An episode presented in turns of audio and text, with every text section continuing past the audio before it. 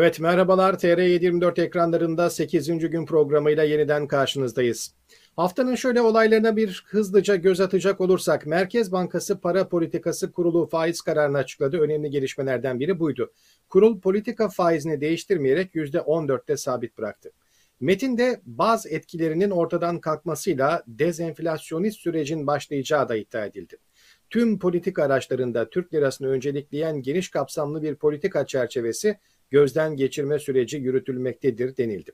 Evet birazdan dezenflasyon konusuna değineceğiz ancak Merkez Bankası'nın bu kararı Cumhurbaşkanı Recep Tayyip Erdoğan'ın NAS açıklamalarını tekrar gündeme getirdi. Çünkü Erdoğan ekonomi biliminin ve yapılan tüm uyarıların tersine faiz indiriminde ısrar etmiş ve neymiş? Faizleri düşürüyormuşuz. Benden başka bir şey beklemeyin.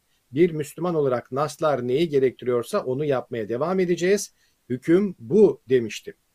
Merkez Bankası kararı sonrası ise kamuoyu aynı soruyu soruyor şimdi. Hani naslar vardı? Hani naslar ne derse o olacaktı? Hani hüküm buydu? Madem nas vardı o halde neden politika faizi indirilmedi?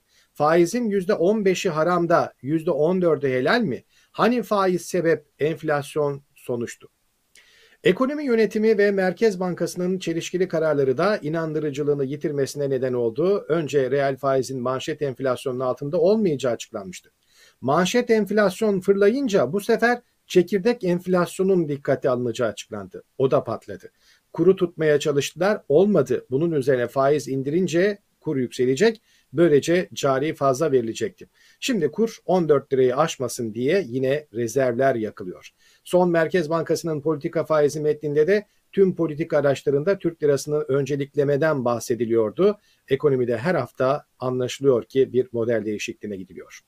Kararda ayrıca dezenflasyondan yani fiyat artış hızının düşmesinden de bahsediliyor. Amerika ve Avrupa ülkelerinde bile son yılların hatta son 20-30 yılın en yüksek enflasyon rakamları görülürken ve enflasyon küresel bir sorun halinde ortada dururken her şeye her gün Türkiye'de yeni zamlar gelirken Türkiye için böyle bir şey mümkün mü? Birazdan bunu da konuşacağız.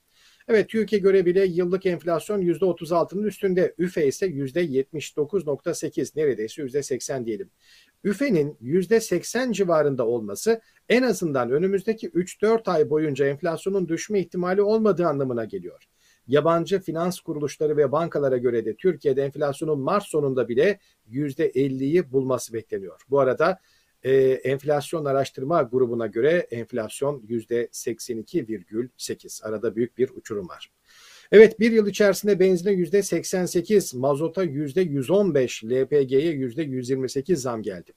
Ocak ayı başında elektriğe %50 ile %20, %20, %125 arasında zam yapıldı. Söylemesi bile gerçekten zor geliyor.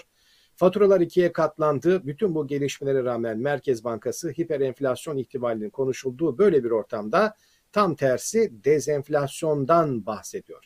İşte bütün bu gelişmelerin detaylarını şimdi Profesör Doktor Ercan Ekmekçioğlu ile konuşacağız. Hocam merhabalar.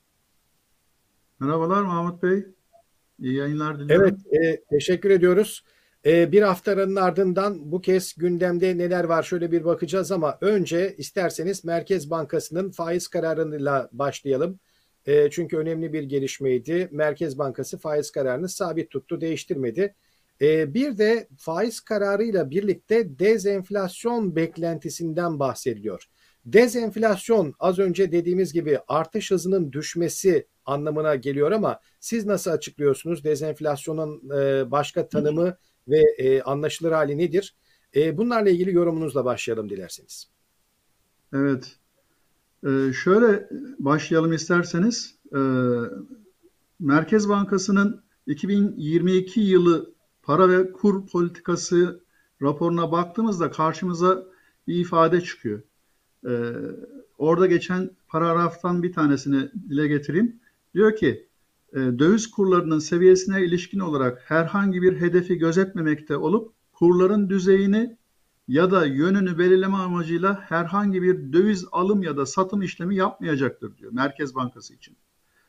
Bu 2022 için ifade edilen bir e, şey cümle. E, tabii daha 21 gün geçti. Merkez Bankası'nın bu şeyini e, gerçeğe yansıtmadığını bütün Türkiye ve dünya görmüş oldu. Dolayısıyla zaten hep dile getirdiğimiz noktaya geliyoruz. Kurumların başındaki yetkililerin hiçbir şekilde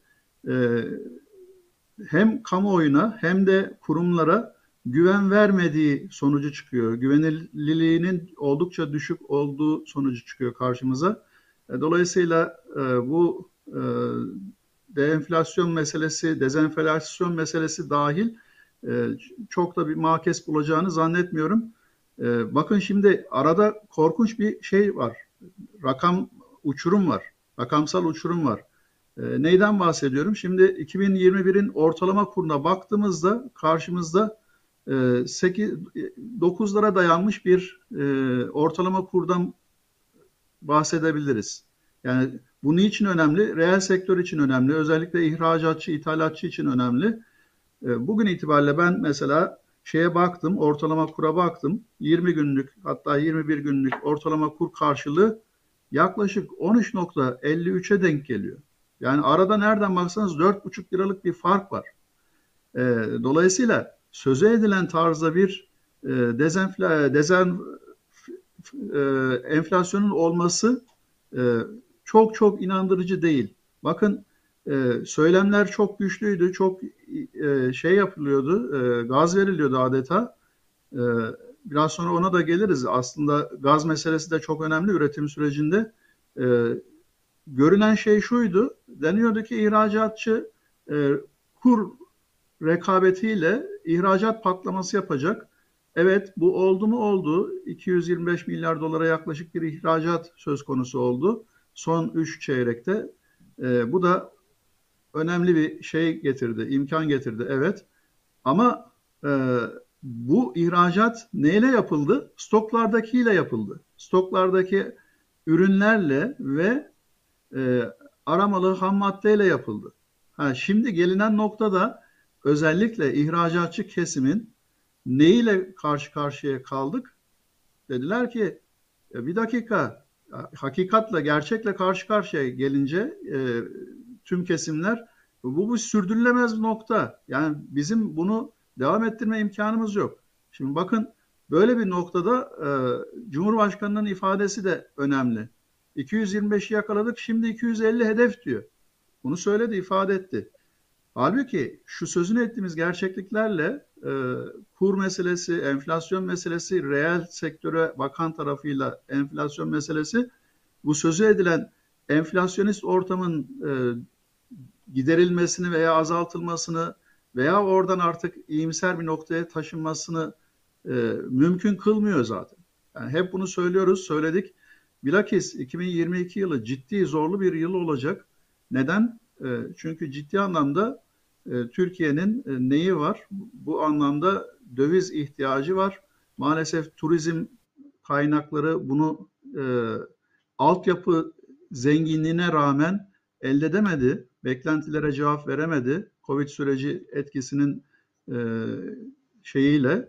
E şimdi öte, öte tarafa bakıyorsunuz e, yabancı sermaye akışı bunda mümkün olmadı ki sözü edilen e, dış kredi derecelendirme şeylerinin kurumlarının Türkiye ile ilgili bu anlamda yapmış olduğu e, şeyler, bildirimler ister istemez bu sermaye grubunu kaçırdı. E, keyfi davranışlar da aynı şekilde netice verdi. Şimdi bütün bunların her birisine baktığımızda ve Merkez Bankası'nın bu tarzda ifade ettiği raporlardaki yazılı kaynaklardaki sözlüğü geçtik hadi yazılı kaynaklara baktığımızda dahi neyi görmüyoruz? Öngörülemeyen, e, hesap edilemeyen ve e, risk faktörü biçilemeyen, e, biçilemediği takdirde ne yaparsınız? Siz en üst eşikten alırsınız, değerlendirirsiniz. Ortada tutmazsınız bunu. Minimize noktada tutmazsınız. E, dolayısıyla bütün bunların her birisi bu sözünü ettiğimiz enflasyonist baskının, ortamın giderilmesi ihtimalini, dezenflasyonist e, sürecin giderilmesi ihtimalini ne yapıyor? Ortadan kaldırıyor. Bunun için benim en önemli tavsiyem, en güzel gösterge e, akaryakıt fiyatlarıdır. Bakın akaryakıt fiyatlarının her bir artışına karşılık mukabiline e, ne olmadığını görüyoruz. Asla bir e, azalma yönünde bir güncelleme söz konusu olmadığını görüyoruz kendi tabirleriyle. E, evet. Ne olmuyor bu? E, uluslararası piyasaların gerçekleriyle reel kurla ölçeklendiriliyor, fiyatlandırılıyor. E, dolayısıyla o ciddi bir öz göstergedir. Aynı zamanda üfede üretici fiyat endeksi de ciddi bir göstergedir. E, bu noktada önümüzdeki 3 ayın içerisinde bırakın 80'lerde 90'larda kalmasını üretici fiyat endekslerinin yüzlerin artık çok üstünde olduğu gerçeğiyle karşı karşıya kalacağız. Ee, yani bu göz ardı edilemeyecek şey sonuçlar. Buna rağmen hep e, iyimser noktada kalınması e, sadece bir aldatmadan ibarettir diye söyleyebilirim çok net. Evet. TÜİK ne kadar e, düşük tutmaya çalışsa böyle açıklamalar yapsa da az önce de aktarmıştım. E, siz de söylediğiniz akaryakıt meselesini benzine %88 bir yıl içerisinde mazota %115 LPG'ye %128 zam gelmiş. Geçen e, Ocak ayı başında da işte elektriğe gelen zamlarda %125 gibi çok inanılmaz büyük rakamlardı. Bütün bunlar e, dediklerinizi doğrulayan rakamlar. Hemen şöyle hızlıca bir gündeme bakıp. Şimdi, şimdi şöyle e, bir şey de var Mahmut Bey. Yani izleyicilerin şunu da dikkatine sunmakta fayda var. Ee, bu fiyat artışları sadece tek kalemde olmuyor akaryakıt anlamında. Sadece mazota gelmiyor, sadece benzine gelmiyor, sadece LPG'ye gelmiyor. Hepsine birden geliyor. E, dolayısıyla bu sözü edilen azalma veya düşme, iyimser havanın oluşması mümkün değil. Bunu antiparantez söylemiş olalım. Evet. E, toplumda da zaten böyle bir kanı vardır hocam bilirsiniz. Yani akaryakıta gelen zammın bütün ürünlere kısa zamanda yansıyacağı şeklinde genel kabul gören bir görüş var zaten.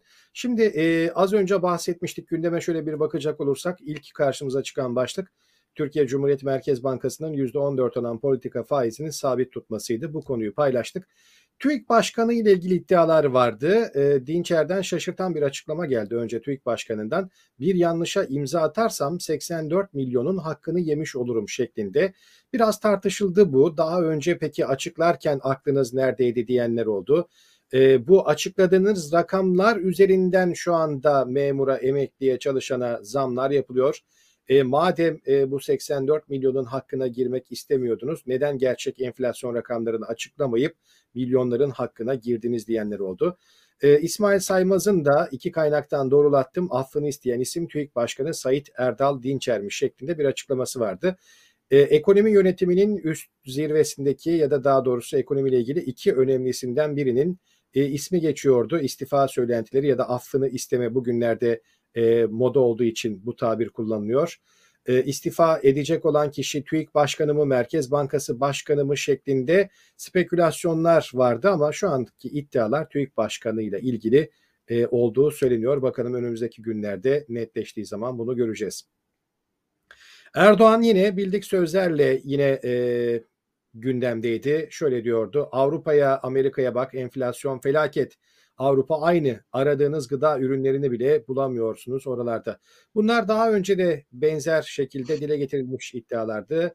Ee, bunu daha önce defalarca konuştuk. Avrupa'da, Amerika'da raflar bomboş. Ha bizde öyle mi? Bizde e, çok şükür bereket var, bolluk var diyordu Erdoğan. Seyircilerimiz bunu hatırlayacaktır. Şimdi e, A Haber'de e, bir tablo getirilmiş ekrana ve bu e, ekranda Amerika'dan Euro bölgesi ülkelerine Almanya, Fransa, İspanya, İtalya, Hollanda, Belçika ve sonunda da Türkiye'deki 2020 ile 2021 arasındaki enflasyon artış oranlarına bakılmış.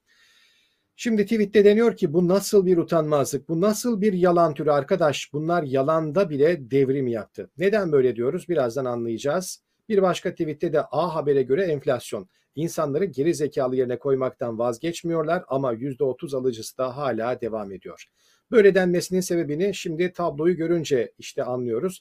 Küresel sorun olarak dile getirilmiş ve burada Amerika'da 2010 2020'de 14 olan özür dilerim 1.4 olan enflasyonun 7'ye çıkması artış oranının %400 olarak yansıtıldığı şeklinde aktarılmış.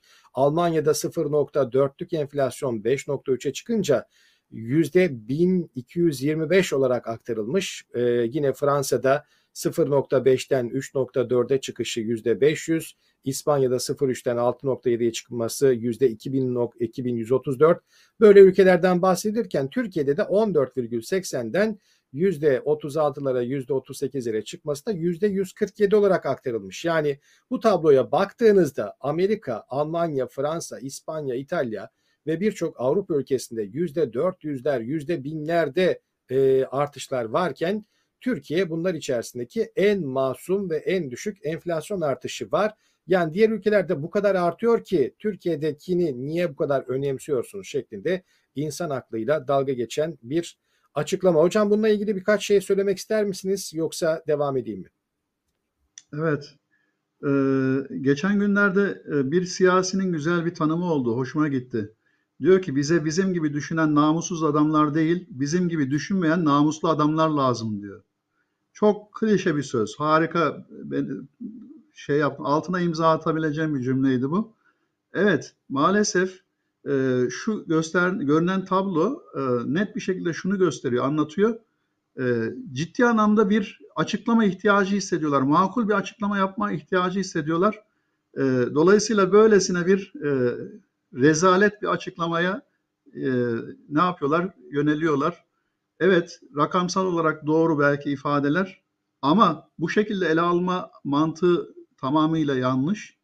Ee, tabii bu içinde bulundukları zor koşulun ne kadar kendileri de kendilerini de rahatsız ettiğini bir e, taraftarlarına, inananlarına en azından e, mazeret olarak gösterebilecekleri bir sunum yapmak ihtiyacın içinde olduklarını bize anlatıyor.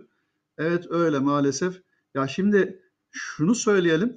Ya şimdi e, benzer bir şeyi biz eski Başbakan Binali Yıldırım'da da gördük. Ya şimdi Kanal İstanbul açıklamasını yaparken ne dedi mazeret? Ya diyor ki ya diyor yatağında bir kadın öldü diyor. Gemi geldi çarptı diyor. Yalıya diyor yaşadığı eve ve yatağında bu kadın öldü diyor. Ne kadar acı bir tablo diyor. Anlayabiliyor musunuz diyor. Dolayısıyla bizim böylesi bir kanal yapmaya, inşa etmeye ihtiyacımız çok önem arz ediyor diyor. Ya şimdi günde 200'e yakın insan vefat ediyor Türkiye'de. Türkiye gerçeği bu Covid sürecinde. Ee, siz bunu dikkate almıyorsunuz da sadece evindeki evet her yaşam kutsaldır, her yaşam önemlidir de bu bununla ilişkilendirilecek, bahane olarak sunulacak bir örnek olamaz.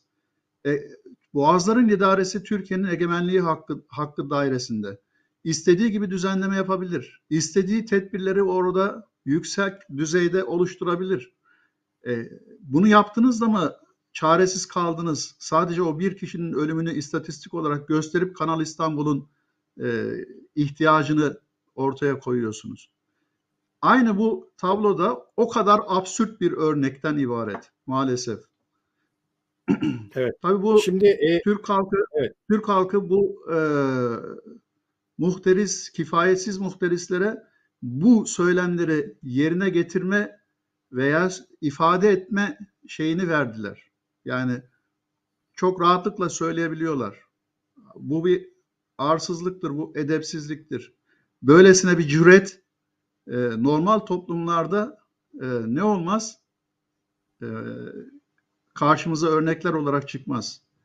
Bu cüreti evet bu arsızlığı maalesef bu şekilde elde etmiş oldu bu insanlar. Hocam Amerika'da, Avrupa'da hiçbir ülkede e, gizlenmiyor. Tam tersi e, son 30 yılın en yüksek Aynen. enflasyonu diye Avrupa basınında da Amerika basınında da çokça tartışılıyor. Bir taraftan da direkt olarak zaten bunlar hemen hizmet e, sektöründe maaşlara ya da yapılan zamlara direkt yansıtılıyor zaten e, bu enflasyondaki artışlar. Bu konuyla ilgili e, kimsenin bir şey sakladığı yok ama burada dediğiniz gibi işte e, bir taraftan doğru artış oranları belki yüzde olarak geldikleri nokta anlamında belki doğru ifade ediyor ama veriş şekli itibariyle bakın siz onlara onlarınki artışı bizimkinin yanında çok çok daha fazla şükredin bizimki o kadar artmamış gibi bir sonuca da geliyor. Peki ee, dediği gibi gerçekten Erdoğan'ın ve A Haber'in e, Avrupa ve Amerika'da bu kadar enflasyon artışından sonra marketler bomboş mu, insanlar alışverişe gidemiyor mu, sıkıntı mı var? Bir tweette şöyle bir örnek verilmiş bakalım. Hans 8 saat çalıştı. Yine Almanya'dan bir örnek. 100 euro kazandı bu 8 saatin sonunda. Bununla 8 kilo et, 8 kilo un, 8 litre süt, 8 kilo şeker, 8 litre yağ, 8 kilo muz, 8 litre Coca-Cola, 8 çarpı 10 adet yumurta, 8 çarpı 250 gram tereyağı aldı. Hans'ın parası yetti. Hasan 8 saat çalıştı, 100 lira kazandı. 800 gram et aldı, Hasan'ın parası bitti. Şimdi e, bu rakamlar içlerinde tabii ki ne kadar e, hesaplama şansımız şu an için yok belki. 100 euroya bunların hepsi alınabilir mi? Kuruş kuruş hesap etmemişizdir belki ama en azından bir gerçeği yansıtıyor. 8 saat çalışan Hans'ın aldığı 100 euronun karşılığındaki e, belki aldıklarıyla e, 8 saat çalışan Hasan'ın 100 lira karşılığında evine götürebildiği et oranı ve yine e, ürünler konusundaki çarpıcı gerçeği ortaya koyuyor. Bununla ilgili Almanya örneği verilmişken bir şey söylemek ister misiniz? 100 euro karşılığında gerçekten bu kadar ürün alınabilir mi? Evet. Ee, şöyle bir hatıramdan bahsedeyim isterseniz. Ee, yıl 1992 idi. Ee, Balkanlarda eski Sovyetler üyelerinden birisi, Sovyet Sosyalist Cumhuriyetler Birliği'nden e, cumhuriyetlerinden birisi olan ülkeden bahsediyorum. E, şimdi orada birisini böyle erkek birisini e, boynunda şeyle örgü örerken gördüm. E, tabii zaman aşımı oldu biraz böyle farklı saatlerde tekrar tekrar görüyorum bakıyorum hep örgü örüyor erkek. E, şaşırdım. Tanıştırdılar daha sonra. Bir üniversite öğretim üyesiydi. E, dedim bunu ne, niçin örüyorsunuz? Yani neden böyle şey yapıyorsunuz? Dedi bu bir rehabilitasyon benim için. E, aynı zamanda da geçim kaynağı. Neden rehabilitasyon? E, söylediği şey şu oldu. Dedi ki e, Sovyetler Birliği yıkılmadan önce e, ciddi anlamda tasarruf yaptım. Çalıştım gece gündüz çalıştım ve e, oluşturduğum tasarrufu hep bankada e, değerlendirdim, hesabımda tuttum. E, sonrasında ben bir ev almayı amaçlıyordum. Bir ev sahibi olmayı amaçlıyordum. Kendime özel bahçesi olan işte güzel bir küçük bir ev almak istiyordum ama her şey alt üst oldu. Bugün ben o parayla bir kümes bile alamıyorum demişti. Adam e, belki bazıları hayatına son verdi, hayatını kaybetti. Bu en azından bir rehabilite yolunu seçmiş. E şimdi bakın 85'te 1985'te 1 ruble 2 dolara tekabül ediyordu. Daha sonra aşırı bir değer kaybına girdi. Aşırı bir değer kaybına girdi ve ciddi anlamda fakirleşti insanlar. Sonrasında da zaten o sözünü ettiğimiz geçmiş programlarda da e, istediğiniz kadar siz yeniden yapılanma deyin, istediğiniz kadar yeniden e, koordinasyon, işte reform süreci deyin. Artık bir çaresi yok. Geç kalınmış nokta. Ha bugün geldiğimiz noktada Türkiye için sözünü edeceğimiz ifade belki bu kadar ağır olmasa da e, buna giden bir istikamet. Nedir o? Hep dile getirilen şeyler Türkiye'nin en büyük ihtiyacı yapısal reformlar. Hep makyaj yapılıyor. Bakın makyaj. Ya şimdi e, reel sektörün fark ettiği bir şey oldu, hakikat oldu, gerçeklik oldu. Ne o? E, doğalgaz kesintileri. Bakın doğalgaz kesintileri. Kaynak neresi? E dediler işte İran'dan alınan doğalgazın miktarında bir azalma olacak. Dolayısıyla 10 günlük e, kesinti söz konusu. Bunu biz imalat sektörüne de yansıtmak zorundayız. Şimdi İran'ın defalarca hemen hemen her yıl yapa geldiği bir şey bu. E siz bunu öngöremiyorsunuz. Bakın bunu planlayamıyorsunuz. E şimdi dile getirilen bir şey vardı. E, denmişti ki bundan işte yıllar önce e, Tuz Gölü'nün altında e, bir depolama tesisi inşa edeceğiz. BOTAŞ şeyiyle. E, Gaz depolayacağız. Baş, başında. Şimdi Tuz Gölü doğalgaz yeraltı depolama tesisiyle olarak adlandırılıyor. Ölçeğine bakıyorsunuz. E, devasa bir şey imkan yaklaşık 12 tane yapay mağaradan eski tuz çıkarılmış Tuz Gölü'nün 40 kilometre güneyinde bir bölgede 1100-1400 metre e, şeylerde, derinliklerde toplam kapasitesi yaklaşık 1,5 milyar metreküp olarak öngörülen böylesine bir proje. Ee, geçtiğimiz yılın Eylül sonunda ilgili bakan, Enerji Bakanı açıklama yapmıştı bu projeyle alakalı. Not almıştım. Demişti ki e, yaklaşık e, şu an projenin yüzde 51'lik kısmına geldik. Bakın yüzde 51'lik kısmına geldik. Tamamlanmasına daha neredeyse e, iki katı şey var. Abi, bu zamana kadar harcanan süre kadar bir süre ihtiyacı var. E, dolayısıyla şimdi gözümüzün önünde bir başka örnek var. Çanakkale Köprüsü. 18 Mart Çanakkale Köprüsü. Ya arkadaş Çanakkale 18 Mart Köprüsü e, mü daha çok öncelikliydi. Bakın hep fırsat maliyeti meselemiz e, toplumsalın e, toplumsal ihtiyaçların e, dikkate alınması önem arz ediyor ekonomiler için. Niçin? Çünkü kaynaklar kıt. Kıt kaynakları doğru harcamanız gerekiyor. Verimli harcamanız gerekiyor. E şimdi bütün bunlara baktığımızda karşımıza çıkan şey iktidarın görsel olarak görülebilir yatırımlara tercihin ihtiyaç olmasa da daha fazla öncelikli olduğu sonucu çıkıyor. Şimdi 18 Mart Köprüsü'nün e, Çanakkale Köprüsü'nün 18 Mart'taki açılışı ilan edildi. E, yapılıyor. Hızlı bir çalışan şey var. E, onu niye için yapıyorsunuz da bu taraftaki asıl reel sektörün ihtiyacı olan, halkın ihtiyacı olan kısmı göz ardı ediyorsunuz? Şimdi bakın bir de şu noktalar önemli. Ben bugün itibariyle baktım buna. 15 Ocak doğalgaz tüketimi 239 milyon metreküp çıkmış. Olmuş. Dün itibariyle doğalgaz tüketimi bu zamana kadarki sürecin en rekor tüketimi 274 milyon metreküp. Biz bu projeyi evet. şayet verimli çalıştırmış olsaydık, inşa edilmiş olsa hazır ve şu an çalışıyor olmuş olsaydı sisteme basılacak gaz tutarı maksimum e, 45 milyon metreküp olarak çıkıyor karşımıza.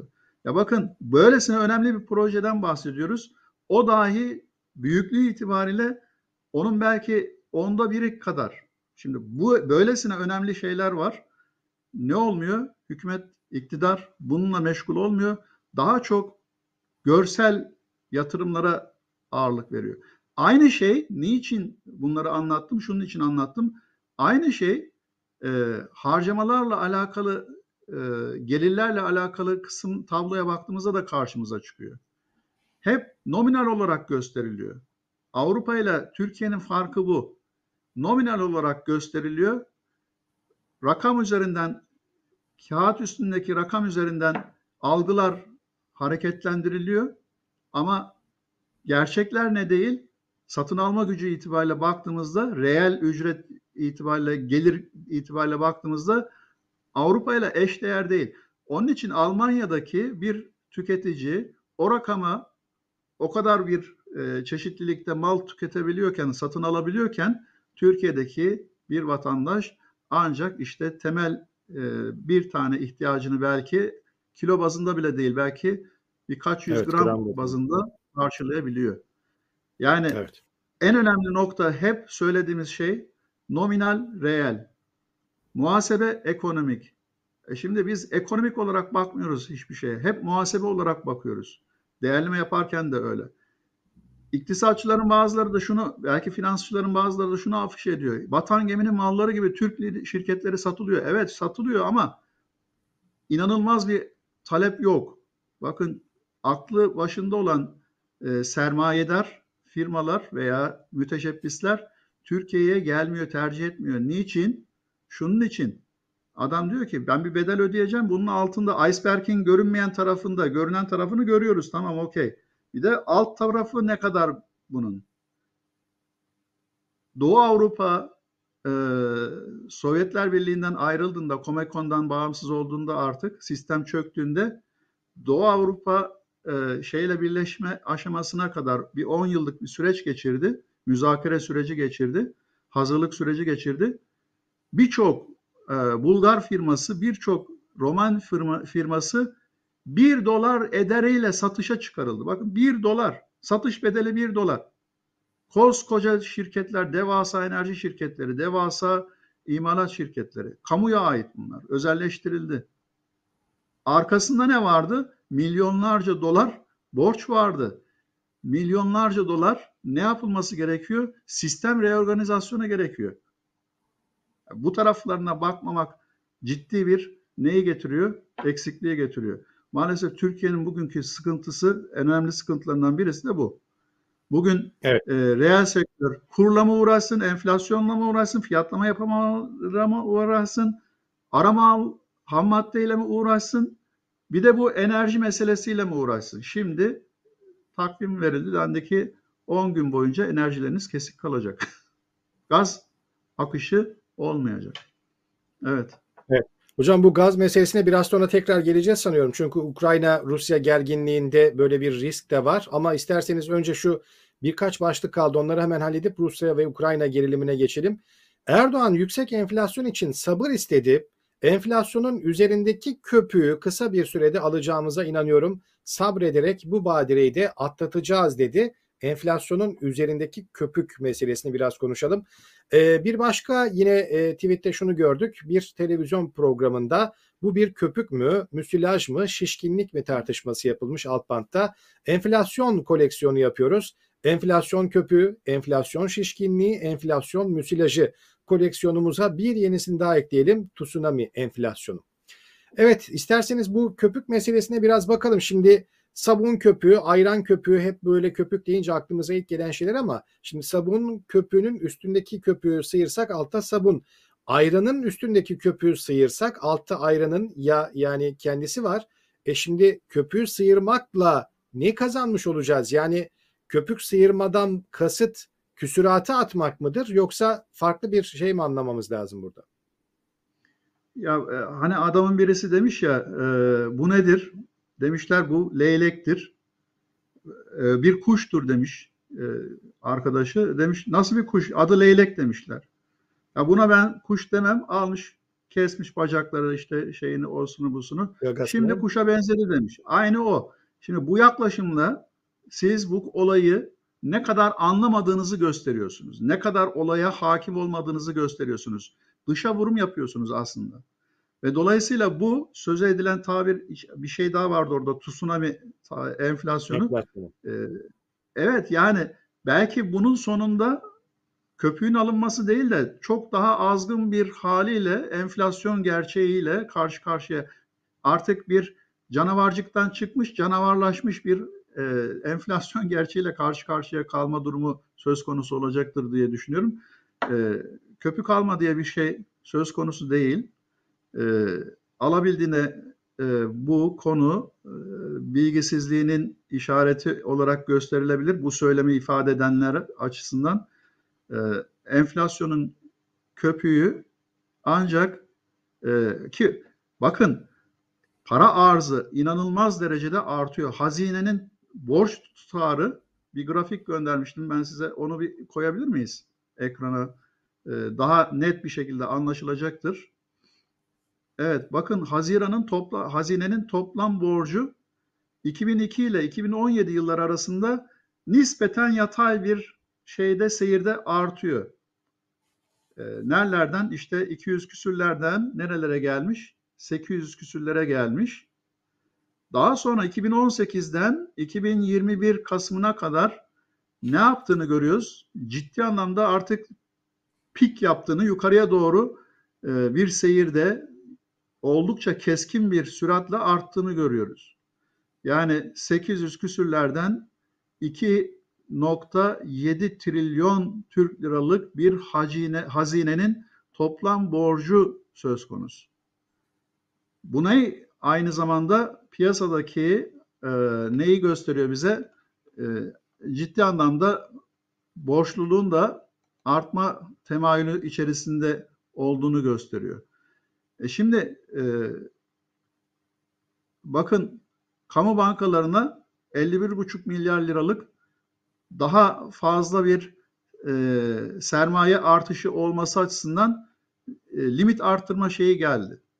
Bu açıdan baktığımızda hali hazırdaki sermaye ve kaldıraç rasyolarını da dikkate aldığımız takdirde ilave 320 milyar liralık belki 350 milyar liralık bir e, aktif e, kredi büyümesi imkanı oluşturuluyor.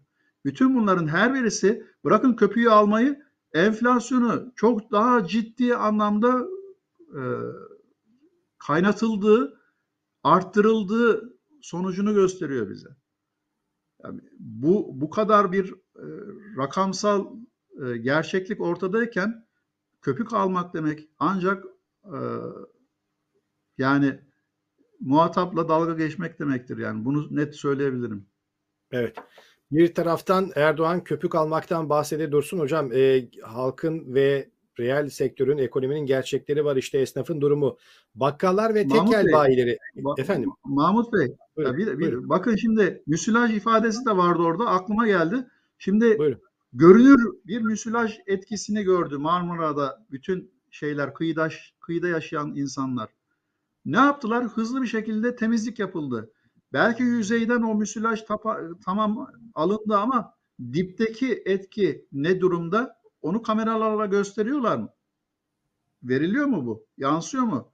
Dipteki yaşam tamamen o müsilaj kusmanın getirdiği e, etkiden kurtarıldı mı? Hayır. Gerçek realite orası. Bunu da antiparantez söylemiş olayım. Evet ama bir süre sonra o yukarıya çıktığında alttaki müsilaj iş işten de geçmiş oluyor. Ee, Elbette. tekrar dönelim. Ee, bakkallar ve tekel bayileri elektrik zamları nedeniyle dondurma satmama kararı almışlar. Ee, ve %127 zammın ardından esnaf buzdolaplarını dondurma firmalarına iade etmeye başlamış. Yani zaten e, kış günü belki dondurma satışları tabii ki yaz gibi değil ama bu mevsimde bu soğuk zamanlarda ama e, bu kadar elektriğe zam geldikten sonra e, dondurma makineleri de tabii ki e, belki çok fazla elektrik yakan cihazlar olduğu için e, ona oradan gelecek para olmaz olsun demiş esnaf ve dondurma firmalarına bunları iade etmeye başlamışlar.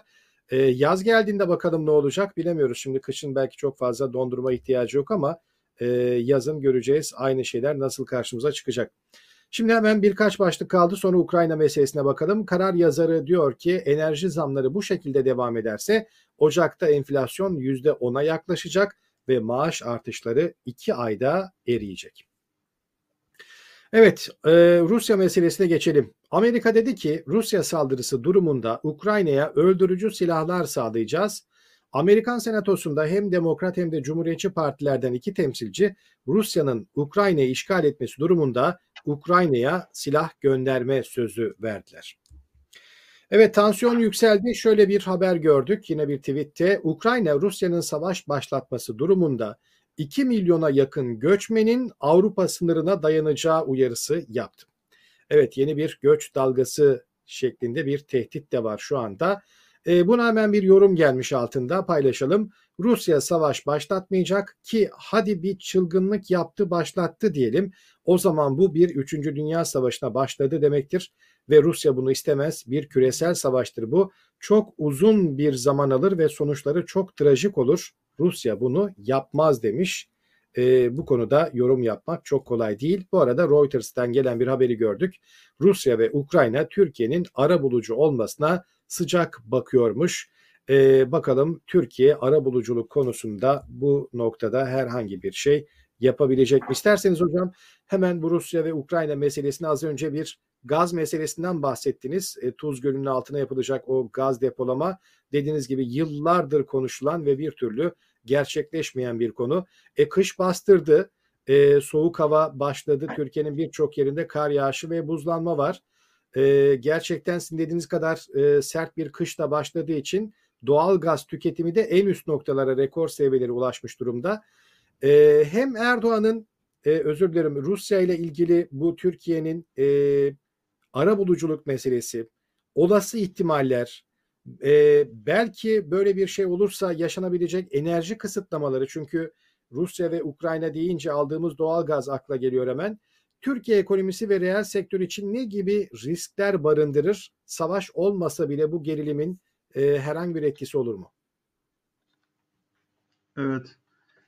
Ukrayna meselesi önemli bir mesele, ciddi bir mesele. Avrupa içinde, Türkiye içinde. Ee, şimdi Rusya bunu önemsiyor. Kendisi de önemsiyor. Niçin önemsiyor? Ee, bakın az önce hep e, sermaye meselesinden bahsettik. Bankalardan örnek vermiştik. Borçlanma meselesinden. Orada da var. Ee, ney o? Tampon şey konma ihtima ihtiyacı var. Şimdi Basel 3'e göre mesela yüzde iki buçukluk bir tampon e, risk şeyini koymanız gerekiyor. Normal e, riskin üstüne ilave bir şey bu, rasyo. E şimdi benzer şekilde ele aldığımızda Rusya'da diyor ki oraya ben artık kıyı olmamam olmamayı tercih ediyorum diyor. Ne yönüyle bu? Ee, NATO ile olsun işte önemsiyor bu noktayı ciddi anlamda. Ee, birebir zaten sebep de buraya bir yönüyle NATO'ya üyeliğiyle geldi Ukrayna'nın. Ee, diyorlar ben egemen bir devletim. Ee, tamam sen Kırım'ı işgal ettin. Yani bu benim için önemli bir risk faktörü, tehdit. Ben kendimi savunma ihtimalini tek başıma güçlü görmüyorum. Egemen devlet olduğum için de böyle bir tercihi uygun görüyorum. Nasıl Doğu Avrupa, Bulgaristan olsun, işte Romanya olsun, e, Baltık Cumhuriyetleri olsun e, şeye girmiş oldular, NATO'ya girmiş oldular, dahil olmuş oldular. Ben de tercihimi bu şekilde kullanıp e, NATO'ya girmek istiyorum diyor. Muka, e, mukavemet asıl oradan başladı. Şimdi bu aynı zamanda şunu da gösteriyor bize. E, Sovyet Sosyalist Cumhuriyetler Birliği yıkıldığında en büyük beklenti şuydu. E, Doğu Avrupa üzerinde ciddi bir Slavyan etki olacak. E, belki sıcak denizlere inme ihtimali bu yönüyle çok daha güçlü görülüyordu Rusya'nın. E, Rusya bugün Suriye'de sıcak denizlere inmiş oldu. Ciddi de oraya tahkimat yaptı. O yönüyle bir şeyi yok, ihtiyacı yok. Ama bakın niçin söyleniyordu bu? Slavyan topluluk birlik anlamında diyorlardı ki Belarus, Ukrayna ve Rusya bunlar aynı millettaş, aynı soydan ve çok güçlüler. Bugün biz şunu gördük ki Rusya'nın öyle e, bir yaklaşımı söz konusu değil. Bakın Ukrayna, e, Rusya ile pardon Rusya ile Belarus'un birlik söz anlaşması vardı. İki devlet bir devlet olacaklardı. Lukashenko, bugünkü Lukashenko e, Putin'le ciddi kavgaya girişti. Dedi ki çok büyük bir tehdit Rusya ile birlik olmamız bizim dedi. Anlaşma e, hakim kaldı. Anlaşma süreci bozuldu. E, rafa kaldırıldı. Böylesine bir e, şey var, pozisyon var ortada. Şimdi şunu hep göz ardı ediliyor. E, geçtiğimiz programda da söylemiştim zannedersem. Rusya'nın en çok korktuğu askeri konulardan ziyade, asgari mukayeseden ziyade ekonomik e, bunun yansıması. Dün itibariyle Ukrayna Dışişleri Bakanı'nın yaptığı bir açıklama var. Biz bu açıklamayı ya, e, yabancılık duymuyoruz aslında. Benzer bir açıklamayı 2018'de bütün Türkiye duymuştu. Biraz sonra oraya geleyim. Diyor ki Ukrayna Dışişleri Bakanı Amerika Rusya'nın Ukrayna'ya saldırması durumunda Rusya ekonomisinin oksijenini kesmek için yani nefesini kesecek. Ne yapacak? Elindeki ekonomik ve finansal araçları kullanmaya hazır. En önemli mesele burası zaten. O sebeple Merkez Bankası ne yapmış oldu? 650 milyar dolara yakın rezerv oluşturdu. Net rezerv oluşturdu. Faizleri yükseltmeyi e, düşünür oldu. Dün itibariyle bakın bu açıklamayı Dışişleri Bakanı yaptıktan sonra Merkez Bankası, Ukrayna'nın Merkez Bankası da 100 bas puan arttırarak %10'a yükseltti şeyini, faizlerini. Savaş aşamasındaki riski altındaki bir ülkeden bahsediyoruz. Bakın %10 bugünkü e, faiz dilimi itibariyle baktığımızda. Dolayısıyla e, şunu net görebiliyoruz. e, ortada ciddi bir anlaşmazlık var, ciddi bir bilek güreşi var. Avrupa bu taraf bu konuya çok ciddi anlamda taraf. Bir taraf muhtedil olmaya çalışıyor, bir taraf itidali elde tutmaya çalışıyor. Bunun tarafları arasında en bariz görünen ikili Almanya ile Fransa. Ee, bu işi belki çatışma evresine taşımayı daha fazla uzatmadan artık nihayetlendirmeyi amaçlayan ülkelere baktığımızda da e, İngiltere'yi görüyoruz. İngiltere ciddi anlamda e, silah sevkiyatı yapıyor. Yani Ukrayna'yı ki Ukrayna'yı şöyle söyleyelim. Ukrayna'nın da ciddi bir ağır sanayi e, altyapısı var. E, savunma sanayi güçlüdür. Ama buna rağmen e, az önce de ifade ettiğiniz tarzda tweette e, çok daha e, etkili toplu kitle imha silahlarına sahip olmayı önemsiyor tabii. E şimdi burada e, şunu da antiparantez söylemek lazım. Bakın 2020'de dünyanın en büyük 10 silah üreticisinin 6'sı en büyük 100 silah üreticisinin 41'i Amerikan şirketi. Amerikan şirketi. İlk 10'da 6, ilk yüzde 41'i. Ve daha daha önemlisi bu şirketlerin 2020'deki silah satışları 285 milyar dolar olmuş.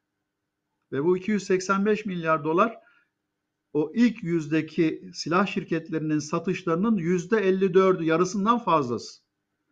Böylesine bir savaş makinesinden bahsediyoruz Amerika tarafı için. E şimdi e, bu bize bir şey gösteriyor, net bir şey gösteriyor. Hem ekonomik anlamda hem de teknolojik anlamda savaş makinesi anlamında Amerika'nın mukayesesiz bir üstünlüğü olduğu sonucunu çıkartıyor. Belki ilmek ilmek acele etmeden orada bir şeye hazırlıyor e, Amerika. Avrupa bunu e, Kara Avrupası bunu fark ettiği için e, dün itibariyle Almanya'daydı mesela Amerika'nın Dışişleri Bakanı e, ve Alman Dışişleri Bakanı'nın ifadesi önemli. Diyor ki milimetre dahi olsa bakın milimetre dahi olsa karşılıklı müzakerelerin devam etmesi bizim için çok çok önemli. Aksi takdirde ne geliyor? Büyük bir risk geliyor. Savaş riski geliyor. E, savaş ateş aldığı takdirde de bunun önünü kesmek mümkün değil artık. Durdurmak mümkün değil. E, çığ etkisi olacak büyük bir ihtimal. E, bu e, en kötü senaryo diyelim. E, evet. Dolayısıyla e, şimdi bu gerçekleri göz ardı etmeden e, o sözünü ettiğimiz yapıcı diplomasiyi, e, iletişimi kurmak hangi tarafsa yani bunu sağlayacak, hangi kişi ise bunu sağlayacak, bunu devam ettirmek ki Almanya Dışişleri Bakanlığı'nın güzel bir sözü var, örneği var. İran diplomasisi bunun bir örneğidir diyor. Bakın orada da İsrail'in özelde e, nükleer silah edinme e, riskine bahs e, şey yaparak e, ön plana çıkararak bir müdahalenin en kabul edilebilir seçenek olduğunu ortaya koyması e, gerçeğini hepimiz biliyoruz. Ama ne yaptı? O beşli grup e, barış şeyini daha tercih edilebilir gördü. İran'ı da bu anlamda yaptırımlarla, müeydelerle sıkıştırarak nereye taşımış oldu? E, bu sürecin yürümesine taşımış oldu. Bunun benzeri bir müesseseyi, o diplomasi e, şeyini, altyapısını tesis etmemiz lazım, yürütmemiz lazım. Savaş en kötü ihtimal dedi Almanya. E, tabii bunu şöyle de e, şey yapmakta fayda var, dile getirmekte fayda var. E, evet, e, nedir? E, bu bir tercih edilmeyecek noktadır yani. E, evet. O sözün ettiğimiz bir dalga e, hem e, nüfus dalgası, her şeyin alt üst olması demek. Yani biz şeyden bahsediyoruz. Yani binlerden bahsediyorken milyonlar çıkıyor şu an karşımıza. Ve bu e, adeta tarihte gördüğümüz kavimler göçü gibi bir şey ortaya çıkarıyor, risk ortaya çıkarıyor. Bu bütün ekonomileri darmadağın eder, bütün ekonomileri alt üst eder. Ve bu elbette Türkiye'yi de mahveder. Türkiye'ye de yansıması çok çok korkunç olur. Bu açıdan Evet. e, en tercih edilebilir nokta e, ne kadar zor da olsa barış sürecinin şartlarının, ortamının e, sürdürülebilir olmasını sağlamaktır diyelim. Evet, umalım ki barış olsun. Rusya, e, Ukrayna gerginliği bir an önce son bulsun. İster Türkiye ister başka bir ülke olsun ama bu arabuluculuk, arabuluculuk çalışmaları bir an önce sonuç verse iyi olacak gerçekten. Hocam çok teşekkür ediyoruz. Programı bitireceğiz. Bir videoyla bitirelim bugün. E, sosyal medyada çokça konuşuldu. Kendine muhabir kanalında hesabına paylaşılan bir videoydu. Son dönemde sokak röportajları çok dikkat çekiyor. E, gerçekten konvansiyonel medyada, havuz medyasında bu tür halkın e, düşüncelerini görmek mümkün olmadığı için e, özellikle Twitter'da ve sosyal medyada halkın ne düşündüğü, gerçekten neler söyleyebildiği, özgürce konuşabildiği bir platform olarak çıkıyor. Cem Toker de demiş ki bugün hiçbir şey okumasanız, dinlemeseniz, izlemeseniz bile iki dakikanızı ayırıp bu kişinin söylediklerini dinleyiniz. Onun için yıllardır gençlere Kapıkule İpsala tavsiyesinde bulunuyorum. Yani yurt dışına çıkın, e, Türkiye'nin dışını görün şeklinde herkes tavsiyede bulunuyor. Dilerseniz bu videoda e, bu vatandaş neler söylemiş, Türkiye ilgili ne gibi yorumlarda bulunmuş hep birlikte izleyelim. Katılalım, katılmayalım. Her dediğine e, katılmak zorunda değil herkes tabii ki ama e, oldukça paylaşılan bir videoydu. Bu videoyla noktalayalım. Haftaya yeniden birlikte olabilmek dileğiyle. Hoşçakalın. İnsanca yaşamak farklı, aç olmamak farklı. 700 yıl boyunca padişahın kulu kölesi malıydık. Onun için pirinci kaynatır, çorbasını içerdik. İki kışık tarhanayı kaynatır içerdik. Bunu insanca yaşamayı sanırdık. Yemedik, içmedik, görmedik, gezmedik. Bilmediğimiz için bu coğrafyayı cennet sanıyoruz. Çünkü hiçbir yeri görmedik. Uçak parasına verecek paramız yok. Biz loru peynir sanıyoruz çünkü parmesanı, mozzarella'yı, gravyeri yememişiz. Çünkü bize vermemişler ve alamamışız. Burada insanca yaşayan bir kişi yok. Halinden memnun olanlar da kölelikten memnun olanlar. Onlar da hayatında yurt dışına çıkmamış. İnsanların ne yediğini, ne içtiğini, ne giydiğini, nasıl yaşadığını bilmiyor. Bizim IQ derecemiz kaç biliyor musun? 90. 89 geri zekalılık seviyesi. Sen bu toplumdan ne bekliyorsun? Hayatında somon yemeden geçiren insanlar var. Hani İstiklal Marşı'nda biz ezelden beri hür yaşadık, hür yaşarım diyor. Yalan. Biz padişahın kulu, kölesi ve malıydık. Canımız, malımız ve namusumuz. Bak namusumuz da onundu. İsterse malımıza el koyuyordu, isterse canımızı vurduruyordu, isterse e, yatağımızdaki karımızı alıp koynuna sokuyordu. Şimdi değişen hiçbir şey yok. Bu toplumda hiçbir şey değişmez. Daha da kötüye gider. Yani onun için hiçbir şeyi tartışmayalım. Bizim IQ'muz 90. 100 olmaz. Bu halk bunlara layık böyle gidip gelecek. Dolar olmuş 14 lira 15 lira. Bundan 20 sene evvel Ruslar, Ukraynalılar buraya fahişeliğe geliyordu. Şimdi turizme, tatile geliyorlar ve biz onlara hizmet veriyoruz. Hizmet veren insana ne denir biliyor musun? Hizmetçi. Biz Avrupa'nın hizmetçisiyiz. Buradaki insanların hepsi aç. Karnım doyan diyen de kölelikteki yaşam tarzıyla. Ben 100 tane hayvan bakıyorum. Onların da karnı tok. Bizden daha fazlasını bekleme. Bizim toplumumuz bu. Şükredecek. Neden şükredecek? Yok gerekirse soğan ekmek yiyeceğiz diyor. Efendileri bin odalı saraylarda yaşasın. Ejder meyvesi yesin. Hanımları 25 bin dolarlık çanta alsın diye soğan ekmek yemeyi kabul ediyor da ben kabul etmiyorum. Ben insanım. İnsanca yaşayacak. Dünyanın hiçbir yerinde böyle çakma kıyafet yok. Biz alamadığımız için her şeyin sahtesini bak yemenin, içmenin, gezmenin ve yaşamanın sahtesini yaşıyoruz. Sor bakalım bir kişi herkes Müslüman. Bir kişiye sor bakalım Hazreti Muhammed'in ölüm tarihini bilen bir kişi var mı? Sor bir kişiye. Ya bir kişiye sor. Bir kişi gelsin şu gün desin. Ben cebimdeki her şeyi vereceğim. Ne söyleyeyim ki artık?